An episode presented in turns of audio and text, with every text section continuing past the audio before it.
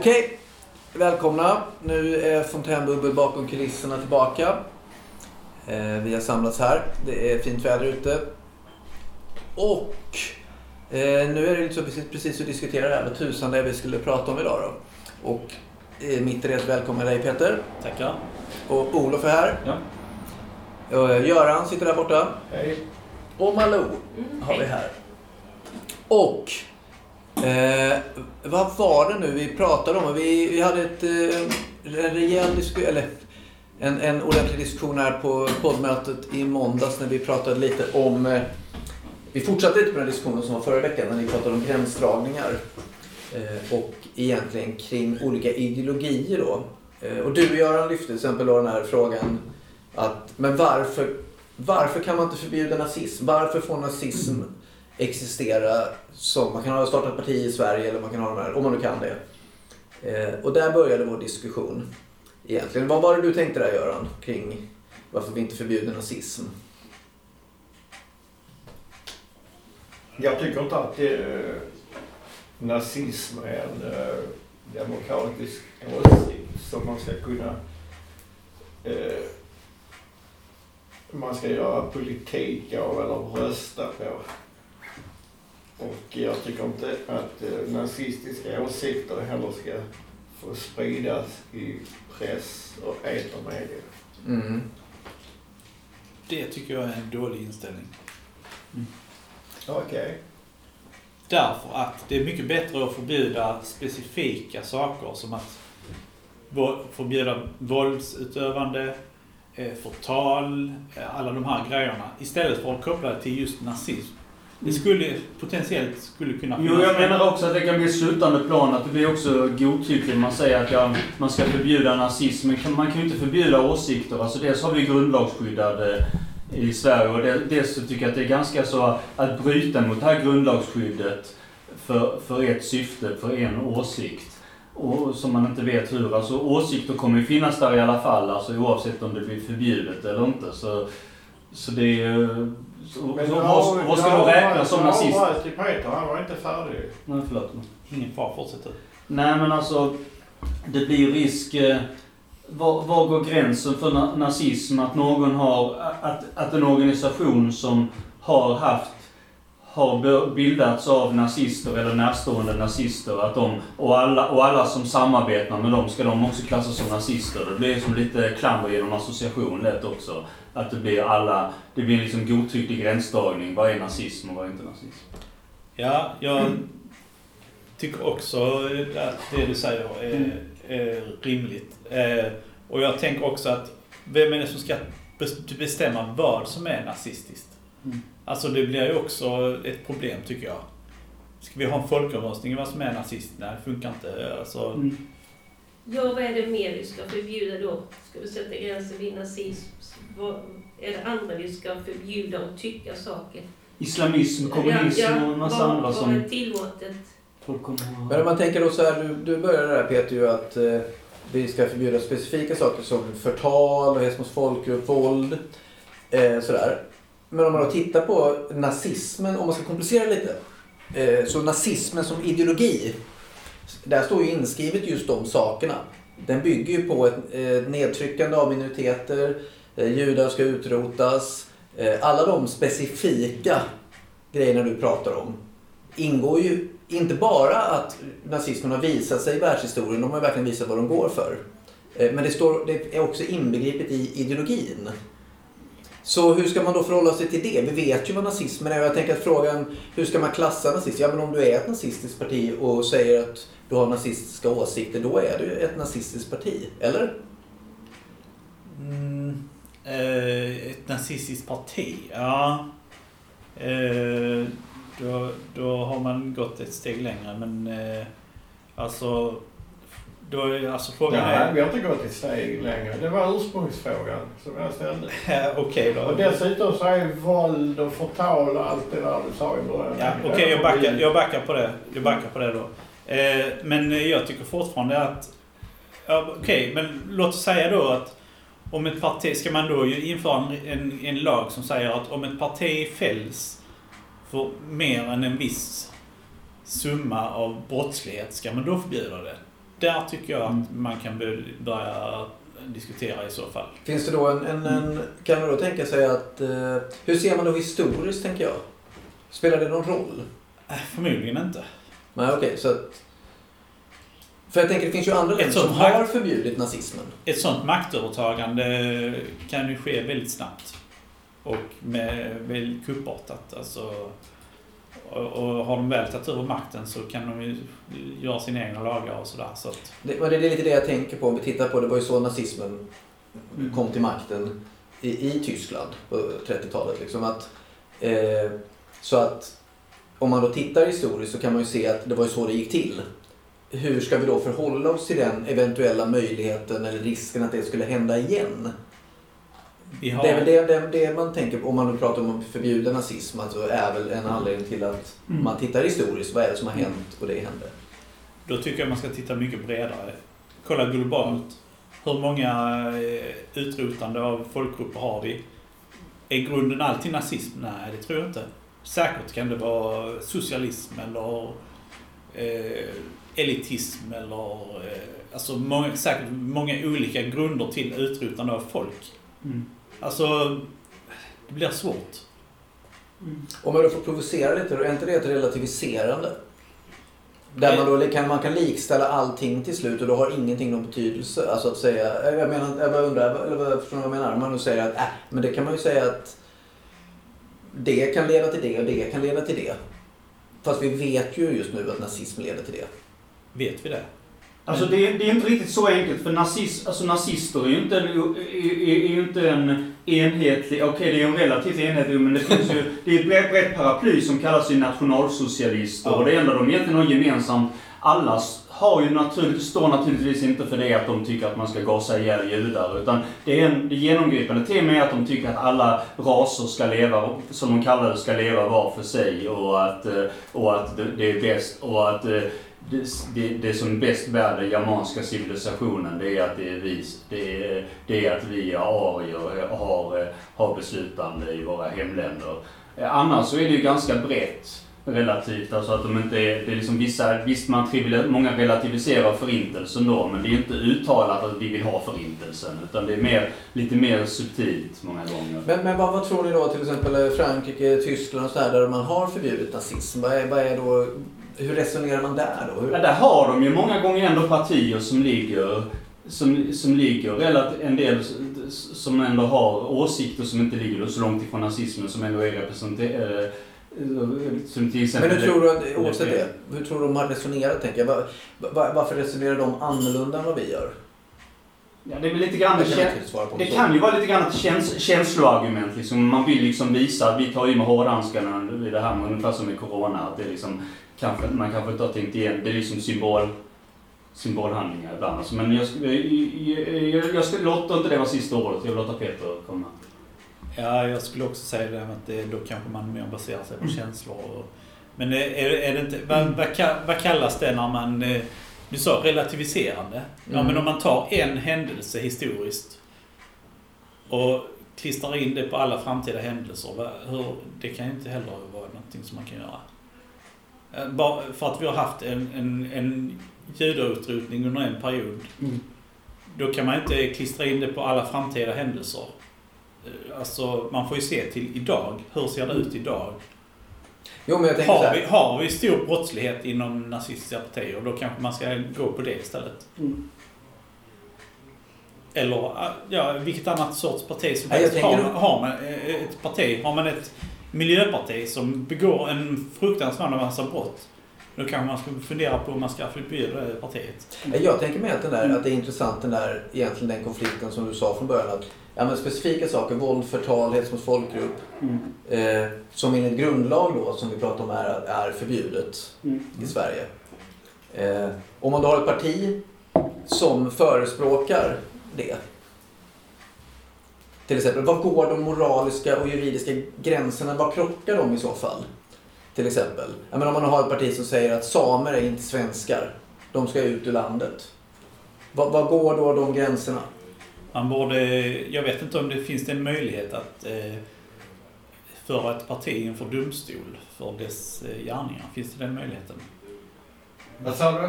för att, ta, att, att anklaga ett parti för brott och fälla ett parti för en brottslig handling. Finns det den möjligheten i, i Sverige? Typ? Ja, om jag väl så är det, alltså Högsta domstolen är ju en av våra tre statsbärande. Men eh, alltså ett helt parti kan man ju inte fälla på det viset utan man får gå till handlingarna av de, av de eh, som har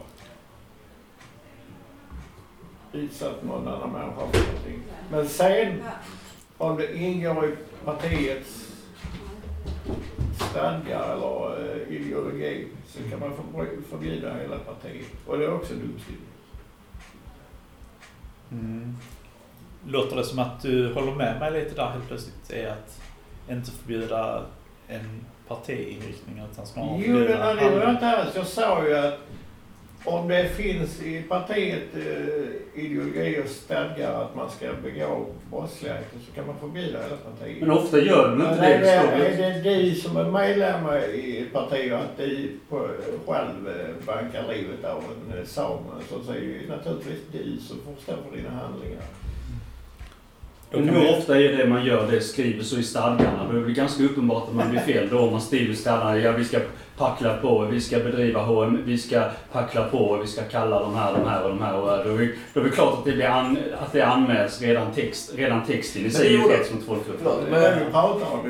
Precis, det är där vi pratar precis om den. Men det är ju inte nazismen specifikt utan då är Nej, det nej, nej, nej, nej, absolut. Vi behöver, men nazismen börjar vi med för att det var ett extremt tydligt Ja. exempel. Ja. Liksom, så här, som delar så här. Men jag tänker det finns ju en skärningslinje när vi pratar om det här och sl- slutande plan. Ett parti till exempel som sitter i riksdagen idag i Sverige. Mm.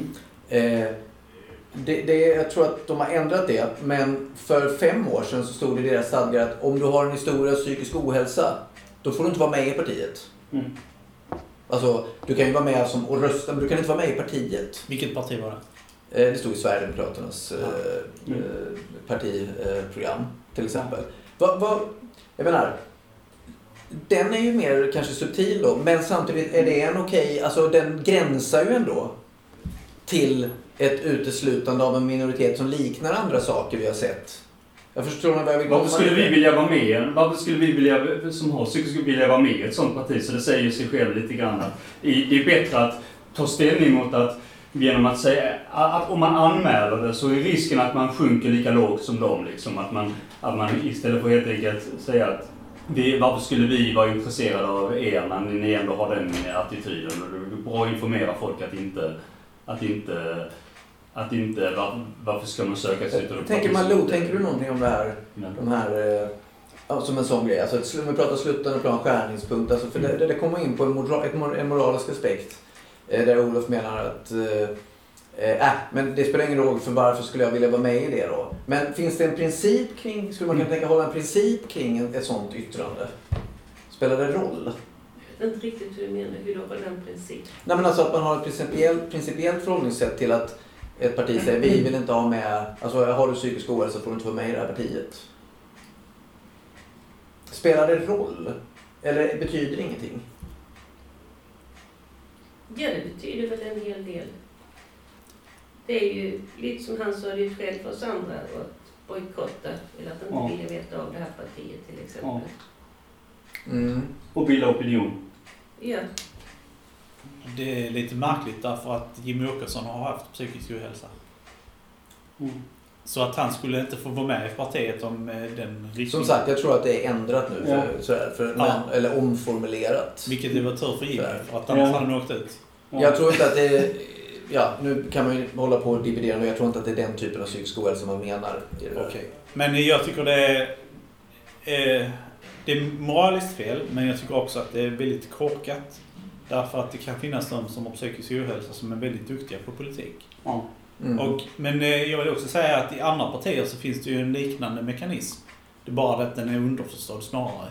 Du väljer, du väljer vilka du vill se i, fram, stå framåt i partiet. Och, det kan, jag har själv varit med i Socialdemokraterna. Jag fick aldrig göra någonting överhuvudtaget. För att jag, jag var klassad som eh, att jag liksom inte platsade riktigt i, i, i av någon anledning alltså. Mm. Men jag, jag fick aldrig några uppdrag eller någonting. Var det kopplat till din historia av, av psykisk ohälsa? Visste folk om det? Liksom, eller, vad, Det var nog att jag hade väldigt många underliga idéer kanske. Okej. Men det har väl inte med hälsan att göra? Ja, nej, men sen så blev jag ju psykotisk i ett tag där också. Mm. Och det var ju inget bra. Alltså då, då fick jag höra att jag var inte välkommen på eh, träffarna längre.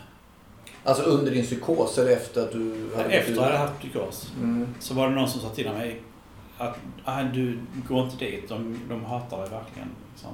Mm. Mm. Nej, nej, det finns ju ett jättestigma kring psykisk ohälsa såklart. Ja. I de bitarna. Socialdemokraterna. Socialdemokraterna har upplevt ha en väldigt hård intern kultur. Mm. Mm. Som man kanske inte... Så har jag upplevt i alla fall. Mm. Jag, alltså, det är min upplevelse. Mm. Men det, ja absolut, nej, men det, det tror jag säkert. Eh, men, Så, och då, då är det ju en utsållningsmekanism där liksom att de som anses ha för konstiga idéer eller som inte verkar riktigt friska och så, de, de, får, de kommer aldrig för någonstans framåt i partiet. De får ju vara med kanske mm. för, för det mesta men det, de blir ju aldrig populära. Mm. Men, Nej, men det är väl inte så konstigt egentligen. Det- Utan, jag vet inte någonting om din bakgrund överhuvudtaget. Men alltså, är man på valbar plats så är man ju förtroendevald. Du ska representera eh, de som har röstat på dig. Och eh, har du egna idéer som är så långt från partilinjen så, så är det nog inte rätt, rätt parti för dig. Då får du nog, söka dig någon annanstans. Mina idéer var väl inte direkt eh, från partilinjen, utan snarare nyskapande idéer och de gillar inte nyskapande. Ja, det vet vi inte. Vi vet inte. Du, Så kan, inte, det- du kan inte sitta och säga till oss att de var nyskapande för det vet vi inte. Va? Du kan inte sitta här bland oss fem och säga att dina idéer var nyskapade för vi, vi vet inte det. Nej, men jag kan ju säga det. Ja. Säg ett, äh, säg ett exempel då. nej, men vi behöver inte Nej, gå in jag på. Jag tänker att vi, vi behöver inte gå in på de Ja, För att du bitarna. själv tog upp det. Jo, men jag tänker mer att vi kan försöka hålla oss till just biten kring... Mm. Eh, när det finns en naturlig, som ju inte är så schysst, utsållningsmekanism överallt. Mm. Alltså så, så, de sociala normerna, så- och det är ju inte okej liksom, men det blir ju så. Eh, men jag tänker då lite tillbaka till det då, men, men om man då formulerar den typen av utsållningsmekanismer som parti eller som ideologi. Sådär. Mm. Och då kommer jag in lite på det vi pratade om i måndags. Det här med att, men, men hur förändrar man saker? Du var inne på Olof, att om ett parti säger att här får inga med psykisk ohälsa vara med, då kan man bara strunta i det för att då det rör ju inte mig. Jag skulle, Alltså, vänta, vänta, varför skulle jag vilja vara med där till exempel? Men då blir ju det här, är inte det ett sluttande plan? Tänker jag. Jo, jo, det- För hur förändrar man någonting då som, du var inne på det Peter, för det kan gå fort när ett sånt parti till exempel som, inte, som kanske har andra starka åsikter och plötsligt får makten och börjar använda de här grejerna man redan har sagt faktiskt att man ska göra. Alltså, förstår du vad jag menar? Hur förändrar man det? Hur, hur ska man agera? Jo men jag, jag, om jag får utveckla lite grann så, jag menar inte att man bara ska tacka och ta, ta, ta, ta emot och säga nej. utan Jag menar, men om man ska börja anmäla dem för de här formuleringarna så där, då, då ger man sig in i, då är det risk att man sänker nivån, att man bara framstår som en gnällkärring då så att säga. Då är det bättre att bilda opinion och försöka få folk att varför tror du, bara liksom berätta om det här att de har den här uteslutningsmekanismen i det. Istället för att rikta det, istället för att göra det till en polisiär fråga huruvida de har formuleringen eller inte. Det, blir, det är mycket bättre, ingen lyssnar på någon som bara vill cancella allting och liksom sådär. Då blir, då blir man inte tagen på allvar när man vill anmäla allting som kränker en och sånt. Liksom. Precis, jag håller med. Använd det mot dem istället. Ja. Politiskt. Mm. Alltså är de en sån idiotparti som sätter en sån stelbent och rig- rigid eh, regel som, alltså det, det gör ju, det påverkar ju också ett parti som har såna stelbenta regler, de kan ju inte utvecklas heller. Nej, precis. Mm. Jag tänker mer på de här de moraliska gränsdragningarna. Eh, Alltså när vi pratade från början här kring- kring det liksom ytterexemplet om en förbjuda eller inte nazism. Men, men jag tycker ändå att det är spännande den här skärningspunkten med, med de, när säger man stopp? När går man in? Det finns moraliska gränsdragningar. Vi pratade lite i måndags här om det här att förändrar man inifrån eller förändrar man utifrån? Är man aktivist? Eller kan man tänka sig att man är med i exempelvis Socialdemokraterna för att man vill förändra någonting? Kan man förändra inifrån? Eller ska man attackera utifrån? Förstår ni lite vad jag menar? Hur, hur, hur drar man de där gränserna? De moraliska gränserna för sitt eget agerande liksom? Att förändra inifrån kan ju ha personliga kostnader. Du kanske engagerar dig enormt men du får inget gehör. Och då mm. har du spenderat en massa tid och energi på någonting som inte ger någonting överhuvudtaget. Så att, eh, jag tror nog det är snarare bättre att göra det utifrån. I, av den anledningen. Mm. Alltså visst, inifrån då bör man ju, då bör man ju förändra inifrån. Det var det nazisterna gjorde när de tog över det här nationalsocialistiska partiet. Och blev en slags inre majoritet för att ändra på hela inriktningen för partiet.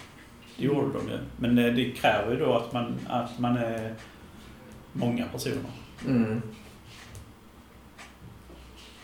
Men en sak som är problem, alltså vi har ju lite problem i vår demokratiska kärna i Sverige. Alltså både när det gäller dels att politiker i regel är yrkespolitiker, att de inte drivs kanske nödvändigtvis av att förändra, liksom, att de, de tar det som ett jobb att de vill ha, eh, de vill, de vill ha betalt för, liksom, att de ser det som ett yrke. Men också medierna, att de inte har riktigt sån här att de inte har riktigt sån här utbildning utan de har att de jagar klick ofta.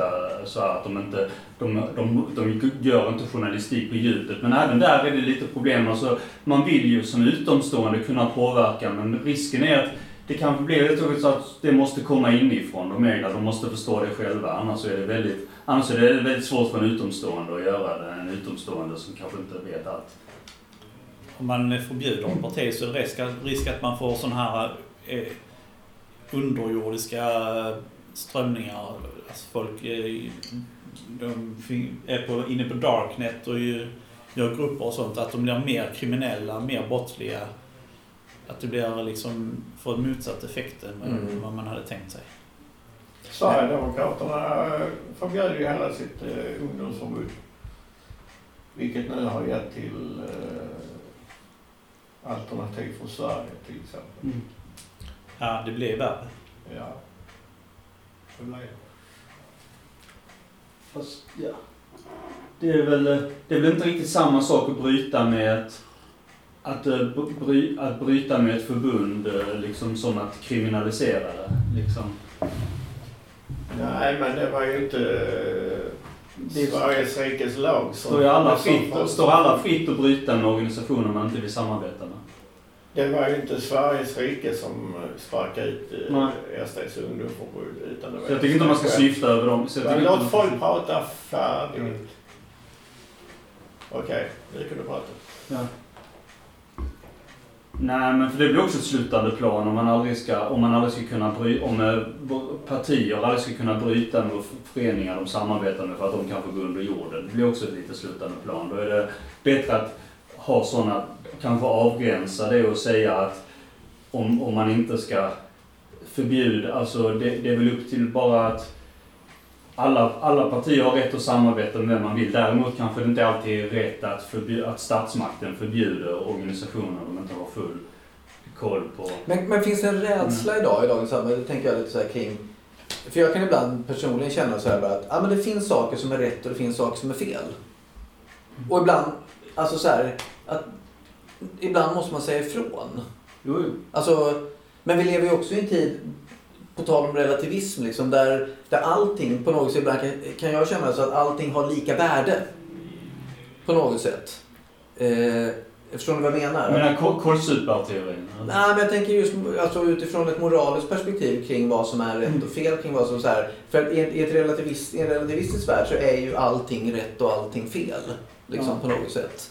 Vem ger dig rätten att säga till mig att jag har fel? Förstår ni vad jag menar? Mm. Är, vi, är vi rädda i dagens samhälle för att, jag tänker både politiker och där vi befinner oss i vardagen, så är att, att säga att det här, det här accepterar inte jag. Är man då rädd för att stänga ute någon? Kommer man bli straffad för det? Ja, det är väl lite så. Tänker du någonting Malou om de här frågorna vi diskuterar nu?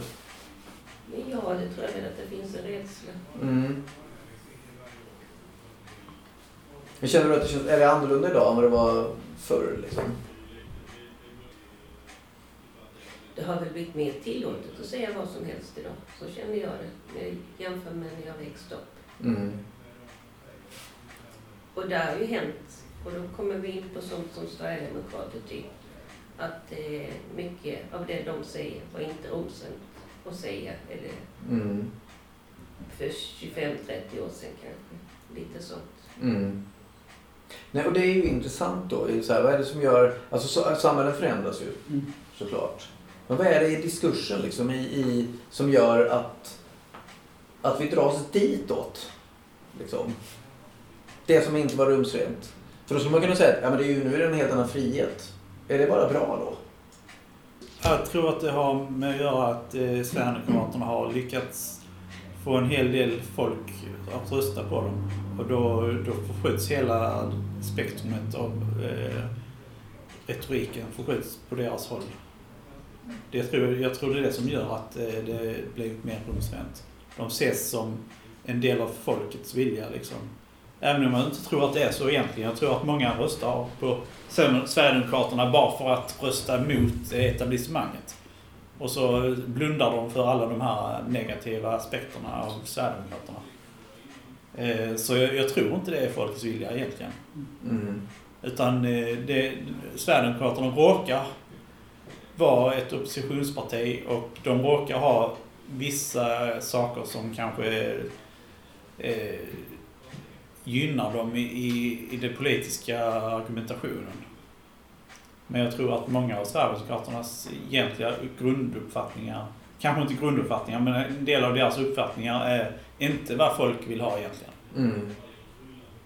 Nu, jag tänkte kanske inte bara på Sverigedemokraterna, jag tänkte generellt liksom, att, att, det, som Ja, sa, ja. att saker har förskjutits. Liksom. Men det kanske de är såklart bidragande politiskt. Olof, eller har du kommentar på det? Ja, eh, jag tror som på internet så har det blivit på det sättet att folk har lättare för att säga vad de tycker. Mm. Att, menar, på Facebook så kan du bli attackerad för allt möjligt. Liksom de, eh, om, om du inte faller folk i smaken. Alltså, där du, på grund av att folk känner sig mer anonyma så är de lättare för att säga vad de tycker och tänker. På, Mm. på alla möjliga håll och kanter. Mm. Så det upplever jag som en förändring. Mm. Förr så kanske det var mer eh, styrt efter den sociala sammansättningen av människor. Då var det inte lika lätt att uttrycka sig. Mm. En social kontroll liksom. Ja, mer social kontroll förr än vad det är idag. Mm. Vad ska du säga Olof? Eh, ja, alltså. Jag tänker på det du undrar över, är det själva diskursen det här att... Eh, för det, det är svårt för mig att göra det här inlägget nu utan att, utan att ge uttryck för egna värderingar här och med tanke på att det ska vara kanske obunden den här.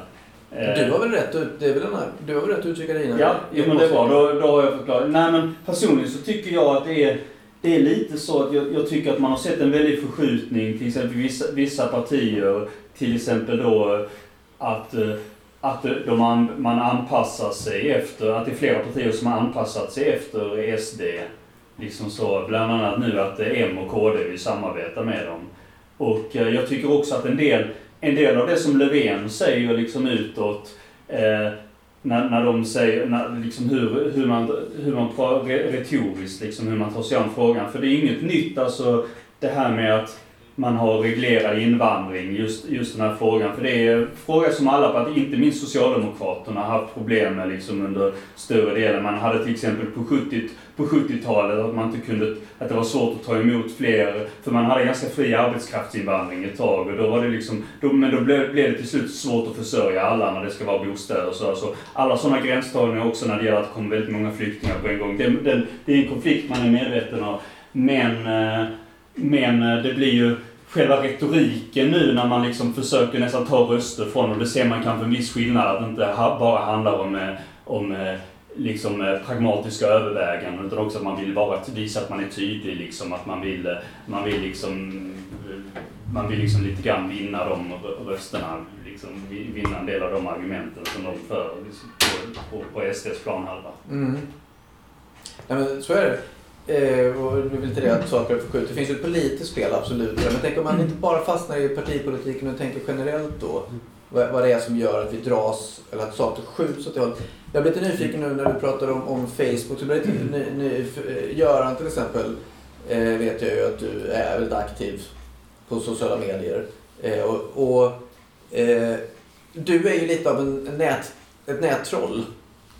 Utifrån dina värderingar. Mm. Och hur går, hur går det ihop med att, att ha värderingar som på något sätt går emot, eh, vad ska jag säga, de hatiska, rasistiska nättrollen och sen använda samma metoder?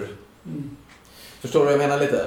Ja, inte riktigt. För Nej, då. Något nättroll är jag inte. Nej, jag eftersom- överdriver såklart. Eftersom jag använder mitt riktiga namn Mm. och eh, vem jag är. Däremot så är jag ju med i de många extrema grupper bara för att spana liksom. Mm. Och jag säger oftast ingenting.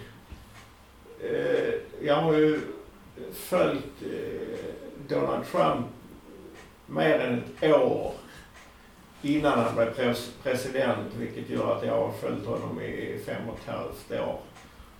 Och det intressanta med, med honom är ju varför är de allra, allra snorrikaste i USA tillsammans med de allra, allra fattigaste vita som röstar på honom. Mm. Han har inte genomfört ett enda av sina vallöften mer än att sänka skatten för biljardär, miljonärer. Och eh, en dag så, så har han den här eh, fasta väljarbasen eh, bland fattiga sydstaterna i bibelbältet Mm. som inte har fått ut ett dugg av, av hans fyra år vid makten. Mm. Ändå är de fortfarande lika fanatiska. Ja, Det, det absolut. tycker jag är ett fenomen. Alltså. Mm. Eh, och jag, eh, en av anledningarna till att det är så är ju att eh, eh, USAs utbildningar är alldeles för dåliga. Mm. Och det gäller inte bara de här fattiga utan du, du kan ta till, till exempel en, eh, en kirurg i USA som man tror är väldigt bildad. Han är säkert en, eller hon, en skitbra kirurg men kan ingenting i övrigt. Det finns ingen allmänbildande, eh, allmänbildade människor i USA direkt. Utan Mm eh, de blir specialister på någonting, sen kan de ingenting annat. Mm.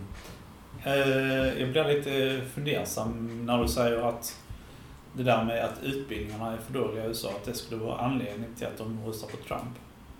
Jag tror, jag, jag tror inte det är det som är anledningen. Jag tror det har, handlar snarare om någon slags personkult. Att eh, de, de ser Trump som någon slags eh, befriare, någon slags frälsare. Mm. Eh, det tror jag är den riktiga alltså, anledningen. Jag tror inte man... Jag, jag funderar på om man verkligen kan utbilda bort eh, person, politiska åsikter. Eh, Är det inte snarare så att de behöver information om vad som händer just nu? Inte, inte lära sig om biologi och kemi och det är inte sådana grejer som, som skulle få dem att ändra uppfattning. Utan de behöver veta vad är det som händer i politiken just idag. Ja, och då tittar man på Fox News. På folks... Fox News. Ja, just det. Precis. Eh, ja, och då får de kanske lite, lite skeva uppfattningar om saker och ting. Men jag tänker lite, förlåt om jag, alltså på tal om då utbildning och sådär. Nu kan jag ju, nu jag, kanske jag låter som ett gammalt korsvirkeshus då, men jag tänker att allmänbildningen, det som lite du var inne på, att, att, är det inte, att vi ofta tänker det där, att idag får jag, det här är också personlig åsikt såklart, men att känslan blir så här att jag ska ha en specifik kunskap kring det. Jag ska ha den informationen som behövs nu. Jag behöver ha den informationen som jag behöver när jag är i det här rummet. Jag ska ha den politiska informationen som jag behöver för det här. Medan allmänbildning, om det nu är biologi, kemi, humaniora, litteratur. Att vad allt det gör, jag kommer att läsa litteraturvetenskap i Lund. Som i många kan tycka, vilket jävla flummeri. Men vad jag kände efter att det, det är få grejer som har gett mig en sån bild av världen. Alltså, det, alltså den allmänna bildningen ger mig en möjlighet att förstå världen ur många olika lager, inbillar jag ju mig själv då såklart. Sådär. Men jag tänker att Jag förstår vad jag menar. Att den specifika kunskapen som vi efterlyser idag. Att, eh, jag kan tänka att det är ett problem, Peter. Mm. Eftersom du sa det. Att, och att vi behöver en bredare förståelse där inte den här... Det, det jag pluggar precis nu, det jag lär mig precis nu kommer ge mig det här. Mm. Utan att det ger mig en bred grund att stå på. Som jag sen kan använda i världen. Att det gör oss till bredare kunskapsmänniskor. Jag vet inte. Det finns inget ämne i skolan som heter sunt förnuft. Sunt förnuft. Nej men är inte det, tänker jag att summa, summan av allting Summan av allting. kan ge dig sunt Ja. förhoppningsvis. Då menar du väl allmänbildning, typ? Ja. Någonting som... Det är väl lite det som Göran var inne på, en Ja. allmän bildning Så- och inte en, så- en specifik kunskap. Jag skulle kunna tänka att det är individuellt vem man är som person, om, du, om det får den effekten eller inte. Absolut, men så kan det ju vara. Eh, Jag tänker just information är ju så himla svårt överlag, Olof. Jo, men jag det här med aktuella politiska händelser och så, för, för, att, för att ha en stabil grund, alltså för att få en helhetsbild, så räcker det ju ofta inte med att sätta sig in i just vad frågorna idag handlar om. Utan man måste också se ett historiskt perspektiv. Liksom. Då är det bra att ha liksom, vad, vad tyckte partierna eller vad tyckte den här, den här tidigare. Liksom att ha, ha sån här politisk historia, att ha till exempel kunna, kunna det också för att avgöra själv om det är trovärdigt eller inte. Liksom.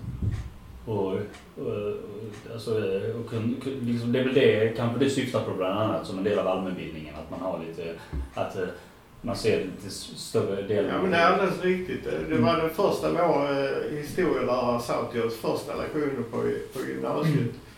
Varför är historia viktigt? Mm. För att kunna bilda en framtid måste du kunna det förflutna. Mm. Och det hänger med mig fortfarande för han hade alldeles rätt. Men det är väl lite så som Stephen King till exempel sa det i... eh, För att veta var vi är måste vi veta var vi var. Precis. För annars kan vi inte riktigt se var vi är någonstans. Mm. Eh, Så, så det skulle kunna vara en, en grundtanke liksom. Det skulle kunna gynna, gynna en, en bättre politisk stabilitet om folk kunde mer om historien. Mm. För då kan de se att "Ja, nu har vi kommit så långt på detta hållet så att det kanske börjar bli lite överdrivet. Mm. Som då högerextrema partier. Att de, de har ingen känsla för var de befinner sig. Utan de, de skjuts mer och mer åt höger. Mm. Eh, Men de spelar väl precis på det.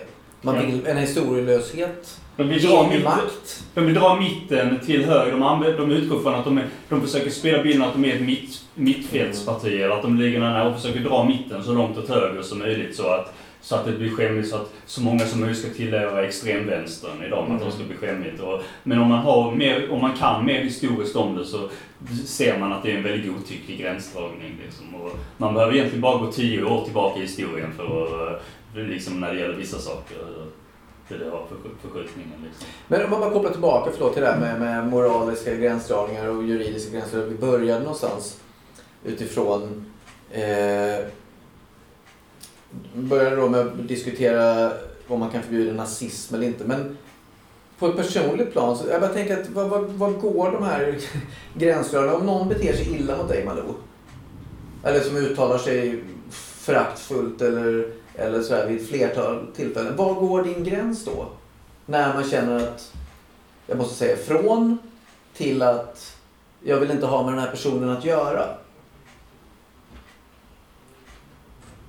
Jag menar att du ska säga exakt gränsen, men, men är inte det någonstans där vi befinner oss? För, för så funkar vi ju på ett privat plan, att vi någonstans inte accepterar. eh, Jag tror- Vi pratade om moral och vi pratade om juridik. Jag tror att det hänger samman rätt mycket. För vi påverkas, vår moral påverkas av vilka lagar som finns. Mm. Vet vi att någon har gått över gränsen för vad som är tillåtet till exempel, har vi, tror jag att väldigt många är lätta för att säga stopp och belägg. Mm. Men lagarna skapas ju också utifrån vårt, något, någon form av allmänt rättsmedvetande. Det hänger ihop rätt mycket. Mm. Men sen är, ja, Nej, nej, absolut. Det sitter ju ihop. ja, Ibland kommer det ena först och ibland det ja, andra, liksom. Det hänger samman mycket. Men det Eh, är, Bygger ju ju det. betydelse också för vad, vad vi sätter våra gränser. Mm.